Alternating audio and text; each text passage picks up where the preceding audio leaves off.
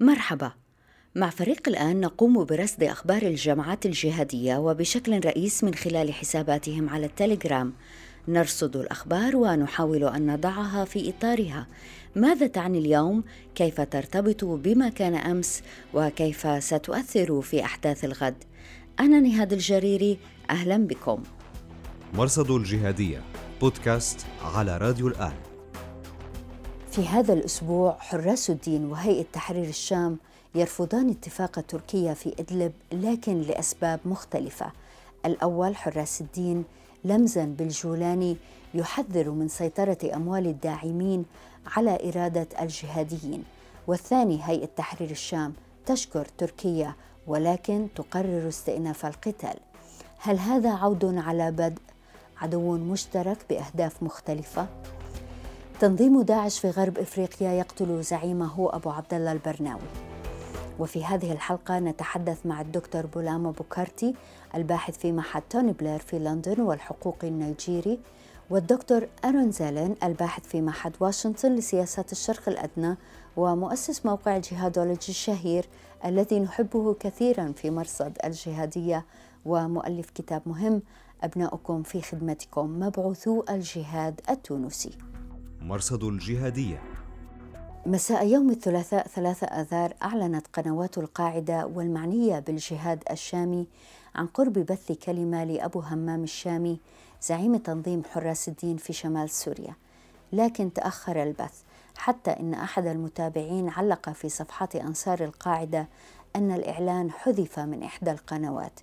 بثت الكلمة ولكن بعد أربعة أيام على قناة شام الرباط الذراع الإعلامية للمجموعة الكلمة الصوتية بعنوان يا أهل الشام الثبات الثبات خلاصتها تنظيم حراس الدين سيواصل القتال في شمال سوريا بمعزل عن الاتفاق التركي الروسي الذي أفضى إلى هدنة في إدلب وممر إنساني يخترق المنطقة التي تسيطر عليها هيئة تحرير الشام مع بقية الفصائل ومن ضمنها حراس الدين.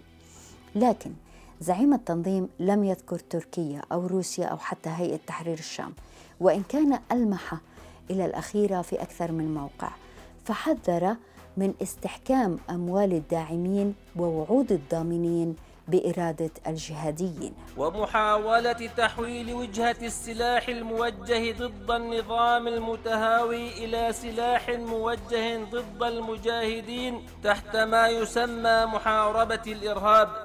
وكرر الخطاب عندما توجه إلى المقاتلين. وإنكم لتعلمون ما يمر به المجاهدون في الساحة الشامية من فقر وحصار اقتصادي وتضييق مادي من الذين يسعون جاهدين لإضعافهم وتفكيكهم للقضاء عليهم. الفقر هذا سببه هيئة تحرير الشام. نتذكر أن القيادي السابق في الهيئة أبو العبد الشداء اتهم الجولاني وأعوانه بالفساد المالي والتقتير على المقاتلين بالرغم من ملايين الدولارات التي تدخل إلى خزنتهم شهريا من الدعم الخارجي والضرائب المفروضة على السكان والضرائب المفروضة على البضائع من الممرات الحدودية وشركة البترول وتد. والحقيقة كان لافتا التقاطع بين كلمة أبو همام الشامي ونشرة النفير التوعوية التي تصدرها بشكل دوري مؤسسة السحاب الذراع الإعلامية الرسمية للقاعدة. والحقيقة هذه النشرة كانت الشيء الوحيد اللي صدر عن القاعدة الأم آه، قاعدة الظواهري خلال الفترة الماضية. سنأتي على هذا لاحقا. المهم العدد 32 من النشرة صدر يوم 1 آذار وفيها دعوة إلى الجهاديين في الشام من دون تخصيص أسماء. إلى نبذ الخلافات من دون تحديد الأطراف ورفض التفاهمات الدولية من دون ذكر تركيا وشن حرب استنزاف ضد العدو في كل مكان بما في ذلك مدن وعواصم الدول التي تعتبر العدو. في ردود الفعل حسابات مؤيدة للقاعدة ونذكر أن حراس الدين يمثلون القاعدة في شمال سوريا وصفوا الجماعة بأنها مطية الجولاني. وقالوا إنه كان الأولى بأبي همام الشامي الرد على ما قاله الجولاني في مقابلته مع مجموعة الأزمات الدولية. في تلك المقابلة اللي نشرت في 20 فبراير الماضي قال الجولاني عن حراس الدين إن الهيئة احتوتهم فتحكمت في مناطق عملهم وفي إدارتهم شؤون مقاتليهم. كما طالبوا أبا همام بذكر تركيا صراحة على أساس أنها العدو الأقرب الذي يحتل المحرر. ونذكر أن في أدبيات الجهاديين هناك العدو القريب وهناك العدو البعيد. أحد الحسابات خاطب آه، أبا همام الشامي قائلا تريد أن تعيد الكرة لتجمع الصادقين الذين وثقوا في اسم القاعدة لتردهم مرة أخرى تحت تصرف الجولاني وعطون. عطون هو كبير شرعي هيئة تحرير الشام. حسابات أخرى مهمة مثل حساب أبو محمد المقدسي. نقل كلمة أبو همام لكن من دون تعليق حتى الآن. مرصد الجهادية في نفس الوقت تقريبا ظهر السبت 7 آذار نشرت هيئة تحرير الشام بيانا بعنوان اتفاق موسكو سراب جديد. وفيه أن هيئة تحرير الشام ترفض الاتفاق الذي وقعته روسيا مع تركيا.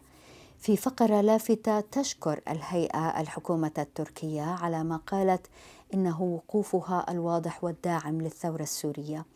وكأن الشكر جاء بعذر فنقرأ إلا أن تمام العون والإغاثة يكون بإعادتهم أي المدنيين إلى بلداتهم ومدنهم التي هجروا منها قسرا. وأن لا سبيل للتعايش مع النظام السوري. فهل يحيك الجولاني سيناريو جديدا يخالف فيه تركيا؟ لا يبدو. في نهاية يوم السبت نقلت مصادر إعلامية معارضة ومقربة من تركيا أن تركيا ستواصل عملية درع الربيع في شمال سوريا لكن في اتجاه آخر كما نقلت تحركات تركيا في المنطقة جوا وبرا فهل اتفقت تركيا وهيئة تحرير الشام على كسر الهدنة؟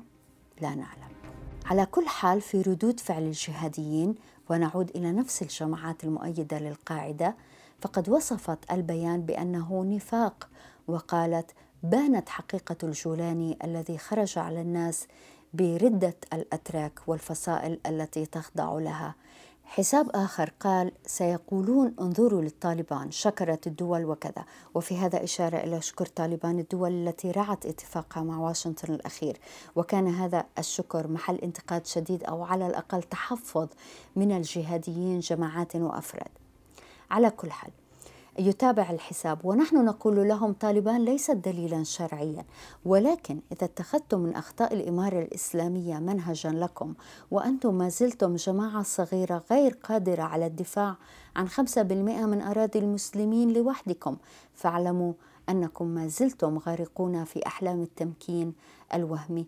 فما هو رد الشرعيين والجنود على خطاب قيادتهم الجديدة؟ انتهى الاقتباس. ونتوقف عند رابط طالبان هذا والعلاقة بين الجولاني وحراس الدين الجولاني والقاعدة. توجهت بالسؤال إلى الدكتور أرون زيلن الباحث في معهد واشنطن لسياسات الشرق الأدنى ومؤسس موقع جهادولوجي الشهير.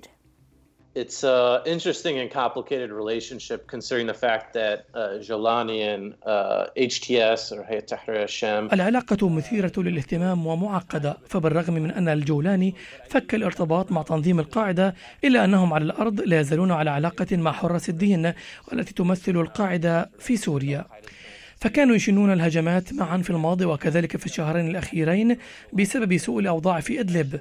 أعتقد أن الجولاني غير مرتاح للعلاقة لأنه يريد التركيز على المحلي والتخلص من عبء العمليات الخارجية التي تميز فروع القاعدة. لكن في نفس الوقت ثمة علاقة بين الطرفين وهيئة تحرير الشام تمد حراس الدين بالمال والسلاح. العلاقة معقدة وأرى أن هيئة تحرير الشام يريدون أن يكونوا مثل طالبان. ليس بالضرورة من الناحية الأيديولوجية ولكن من حيث تركيز طالبان على القتال الداخلي فيما القاعدة تركز على العمليات الخارجية. هيئة تحرير الشام تريد أن تبرهن على أنها تحكم محليا وذلك من خلال حكومة الإنقاذ وأنهم معنيون بقتال نظام الأسد وأعداء آخرين في المنطقة مثل داعش والأكراد. فيما يشارك حراس الدين في القتال المحلي وإن رغبوا يستطيعون شن هجمات خارجية. ولهذا رأينا أن أمريكا استهدفت حراس الدين في إدلب ولم تستهدف هيئة تحرير الشام. إنها مسألة تستدعي الانتباه وشبيهة إلى حد ما بما رأيناه في أفغانستان. وسنعود إلى الدكتور أرون زيلن بعد قليل لنتحدث عن تونس. مرصد الجهادية بودكاست على راديو الآن. الظواهري غائب تماما لم يصدر شيء عن القاعدة المركزية. لا عن اليمن ولا عن القاعدة في المغرب التي نعت أحد أهم قيادييها أبو عياض التونسي ولا عن اتفاق طالبان مع واشنطن الذي يبدو أنه يشكل معضلة شرعية لأنصار القاعدة. حساب أبو محمد المقدسي من أهم منظري القاعدة. كتب يوم السبت 7 آذار على التليجرام ما يشي بأنه يتمنى أن يكون الاتفاق مناورة من طالبان كي تتمكن أكثر في أفغانستان من دون أن تسقط الجهاد كلية. هكذا جاء في رسالة المقدسي. وحتى تجد الفرصة لمواجهة الأعداء الداخليين بعد انسحاب أوليائهم الخارجيين. ويتحدث عن أن الملا عمر آه، زعيم طالبان الأول كان موافقا على هجمات 11 سبتمبر ضد أمريكا. ويختم ليست هذه الكلمات لنبش الماضي بل لإعذار الطالبان فيما يمكن إعذارها فيه في الاتفاق الأخير قبل أن نشرع بعدلها أي لومها على ما يخيفنا من بنود الاتفاق. الاتفاق يقضي بإنهاء الحرب وتعهد طالبان بأن لا تستخدم أفغانستان لشن هجمات خارجية أي منع القاعدة من العمل. ولم يصدر شيء عن القاعدة فيما يتعلق بنبأ تأكيد قتل أبو عياض التونسي الذي رثاه رثاء ملحميا. الأسبوع الماضي زعيم تنظيم القاعدة في المغرب الإسلامي أبو مصعب عبد الودود دركدال عما يعنيه فقد التنظيم للرجل. تحدثت مرة أخرى مع الدكتور أرون سالن الباحث في معهد واشنطن لسياسات الشرق الأدنى ومؤسس آه، موقع جهادولوجي الشهير وصاحب كتاب ضخم وفريد عن الجهاد التونسي. بدأت بسؤاله عن الكتاب. دكتور أرون شكرا جزيلا لوجودك معنا. شكرا جزيلا. آه، عنوان الكتاب Your Sons at Your Service Tunisia's Missionaries of Jihad أبناؤكم في خدمتكم مبعوثو الجهاد التونسي وأتمنى أن تكون الترجمة دقيقة العنوان غير مألوف دكتور ما قصته؟ Yes, so uh, your sons are at your service. The first part of it is one of the slogans that the group Ansar al-Sharia. الجزء الأول من العنوان هو شعار جماعة أنصار الشريعة في تونس في أعقاب ثورة 2011. أبناكم في خدمتكم. هكذا كانوا يخاطبون المجتمع المحلي يقولون انظروا إننا نفعل ما نفعل نيابة عنكم وهكذا كانوا يخاطبون أعضاء المجموعة بإيهامهم بأهميتهم وأهمية ما يفعلون بالنسبة للأعضاء كان هذا الشعار جزءا من برنامج واسع اتبعوه فعلى النقيض من جماعات القاعدة التقليدية التي مارست إرهابها وعنفها السري كانت هذه الجماعة في تونس على الأقل في الفترة الأولى بعد عام 2011 مباشرة تنتهج نهجا غير عنيف وتمارس نشاطات دعوية وكانت تقوم بأعمال خيرية. الحقيقة اعتدنا هذا الأمر من الحركات الجهادية يبدأون بأعمال مجتمعية آه، وخيرية كما رأينا في أنصار الشريعة في اليمن وحتى جبهة النصرة في سوريا في البدايات كانوا بيوزعوا الخبز من الأفران وكذا. دائما يفعلون هذا قبل أن يمارسوا الإرهاب. Yes, uh, so one of the things I do in, in the book is I talk about sort of the lessons learned from what Al Qaeda at least perceived as the failures of Zarqawi in uh, Iraq uh, during the من الأشياء التي فعلوها والمذكورة في الكتاب هي أنهم استفادوا مما قالت القاعدة إنه فشل الزرقاوي في العراق إبان الغزو الأمريكي. ومن هنا جاء اتباعهم أسلوب الدعوة اولا حتى يتمكنوا في الأرض قبل أن يمارسوا النشاطات الجهادية. في حالة تونس حتى بالرغم من إعلانهم أن هدفهم كان الدعوة كانوا يقومون بنشاطات أشبه بالحسبة من قبيل الشرطة الأخلاقية ضد من يشرب الكحول في المقاهي أو من يفطر في رمضان حتى أنهم حاولوا إحراق أضرحة صوفية على اعتبار أنها بدعة. الأمر معقد أكثر من كون تونس أرض دعوة. كانوا يجندون الشباب للقتال في مالي وليبيا وفي سوريا. ولهذا رأينا تونسيين كثيرين هناك بفضل المناخ المنفتح الذي ساد في تونس في أول عامين ونصف بعد الثورة. ولو وجد هذا المناخ في دول عربية أخرى لرأينا مقاتلين من تلك الدول أيضا. نقرأ في كتابك دكتور عن دور الجهاديين التونسيين في داعش خاصة ما يتعلق بالخلاف بين تيار الحازميين والبن علي. ما الدور؟ الذي لعبوه؟ Yeah, so um, uh, this uh, Saudi religious uh, cleric Ahmed bin Umar al-Hazmi he um... إنه رجل دين سعودي اسمه أحمد بن عمر الحازمي كان يقول بالتفكير المتسلسل وهو أن من يكفر كافرا هو أيضا كافر وبالتالي يجب أن يزهق دمه هذا الشخص ذهب إلى تونس في نهاية 2011 ومطلع 2012 وألقى محاضرات قائمة على هذه الفكرة وافتتح معاهد دينية في تونس فترة من الوقت. بعض أعضاء أنصار الشريعة آمنوا بهذه الأفكار وحملوها معهم إلى سوريا وحاولوا تطبيقها في داعش مخالفين بذلك أفكار تركي بن علي. وكان وقتها كبار شرعيي داعش وهو من أصل بحريني وكان درس على يد أبو محمد المقدسي. وقال إن هذه الأفكار شديدة التطرف وغير ضرورية لأنه لا يمكن الكشف عما في قلب إنسان. وقعت صدمات بين أتباع هذا التيار وذاك ونتج عنها إعدامات في حق من خالفوا البن علي والبغدادي ومن أهمهم أبو جعفر الحطاب الذي كان شرعيا في أنصار الشريعة ومن ثم شرعيا في داعش. وأبو عمر الكويتي وغيرهما من دول أخرى.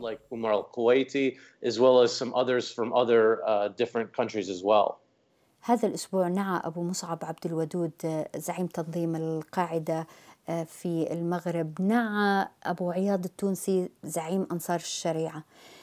لأي درجة هذا الرجل مهم؟ I, I, think it's very significant because, in many ways, he's probably the most important figure in the history of the whole movement just because He was an understudy of Abu Qatada al-Filistini in London when he first started هذا أمر مهم جدا. كان الرجل من أهم الشخصيات في التنظيم كله. درس على يد أبو قتادة الفلسطيني في لندن عندما بدأ نشاطه في مطلع التسعينيات وساهم في بناء شبكات واسعة في أوروبا. أدت إلى تشكيل جماعة المقاتلين التونسيين في أفغانستان بعد أن سيطر الطالبان على الحكم في أواخر التسعينيات.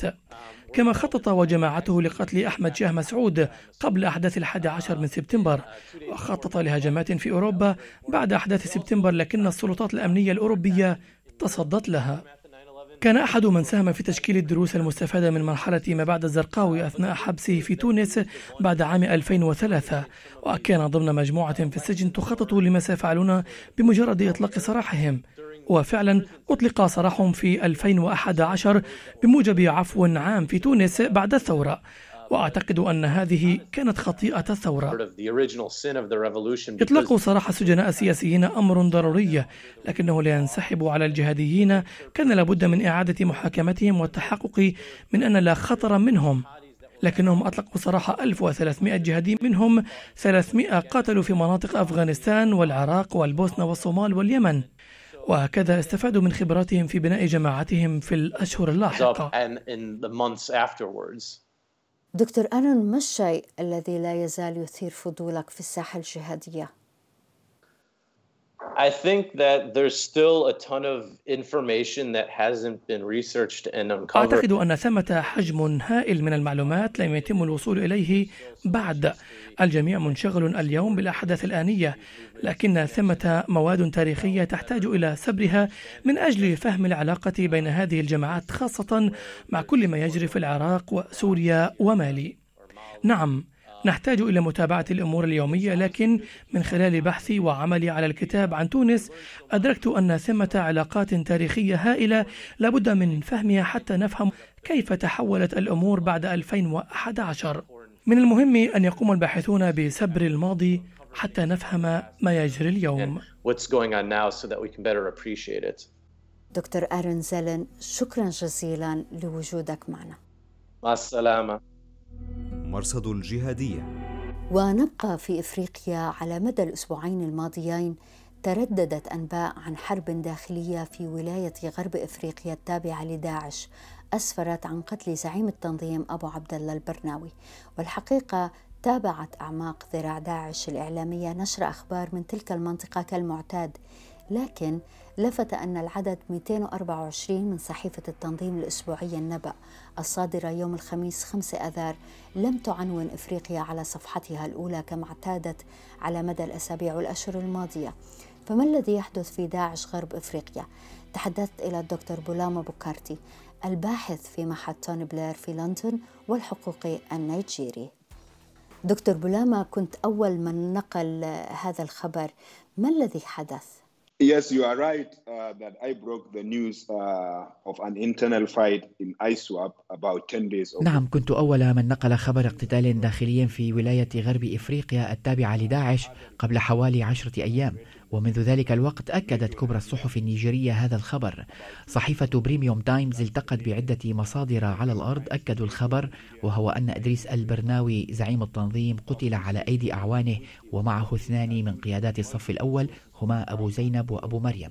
وهؤلاء كانوا من كبار مسؤولي التنظيم الذين قادوا التمرد ضد شيكاو في أغسطس 2016 عندما انفصلوا عن بوكو حرام وأسسوا فرع داعش في غرب إفريقيا. إدريس البرناوي had been killed بحسب مصادري ما حدث هو أن أبو عبد الله البرناوي أو إدريس كما يسمى أيضا حاول أن يطرح سياسة جديدة في التنظيم تلين أسلوب تعاملها مع من تستهدفهم. بموجب هذه السياسة الجديدة يحظر قتل الأسرى من ضباط الجيش وملاحقة الضباط الذين يفرون أثناء الاشتباك معهم. لكن بعض القيادات في التنظيم ومنهم لاوان أبو بكر لم يوافقوا على السياسة الجديدة وتمردوا على قائدهم. الأمر الذي أدى إلى اقتتال داخلي. انتهى بأن سيطر أبو بكر بكر على المجموعة وأمر حسب مصادري بإعدام أبو عبد الله البرناوي مع الاثنين الآخرين. الصحيفة النيجيرية تقول إن اثنين آخرين من قادة الصف الأول قتلوا أيضا وجميعهم من كبار أعضاء مجلس شورى التنظيم. لكن بحسب مصادري فإن القتلى كانوا ثلاثة وليس خمسة. قبل يومين تقريبا من الخبر بثت داعش فيديو ظهر فيه رجل قالت إنه أبو عبد الله البرناوي لكن لم يظهر صفة أو وظيفة الرجل. وتساءل باحثون وصحفيون إذا كان هو فعلا زعيم التنظيم. أنت أكدت لي أنه هو نفسه. أين داعش المركزي من كل ما يجري؟ So yes, I confirm to you that Abu عبد الله البرناوي uh, was the leader at that time. أكدت لك أن الرجل كان فعلا أبو عبد الله البرناوي. أعتقد أن داعش سجلت وبثت الفيديو الذي يظهر فيه أبو عبد الله البرناوي قبل بدء الاقتتال الداخلي بعد أيام من نشر الفيديو. تحققت من مصادر محلية وجهات أمنية أن الذي ظهر فيه كان زعيم التنظيم. الخلاف بدأ بعد نشر الفيديو. لكن لم يتضح بعد ما إذا وافق داعش على الإعدامات كما حدث في الماضي مع مامان نور الذي كان أحد ثلاثة أسسوا بوكو حرام وكان الرجل الثاني بعد أبو بكر شيكاو. هو وآخرون انفصلوا عن شيكاو في 2016 وأسسوا ولاية غرب إفريقيا التابعة لداعش لكن رفاقه أعدموه في أغسطس 2018 قبل إعدامه وجهوا إليه ثلاثة تهم قالوا إنه كان يخرب المجموعة وينشر الشائعات وقالوا إنه كان يعمل أو يتفاوض مع الحكومة الحكومة النيجيرية في الخفاء. عندما اعتقلوه هرب وانشق وانضم إلى الجيش النيجيري ضدهم. عندما وجهوا له التهم أخبروا داعش بالأمر وداعش وافق على إعدامه قبل أن ينفذ الحكم في أغسطس 2018 بالنسبة لهذه الحادثة الأخيرة لا نعرف إذا كان التنظيم الأم علم بخبر أبو عبد الله البرناوي وما إذا أقروا إعدامه. سننتظر ونرى. إذا كان داعش وافق على القتل فسوف يدعم الزعيم الجديد.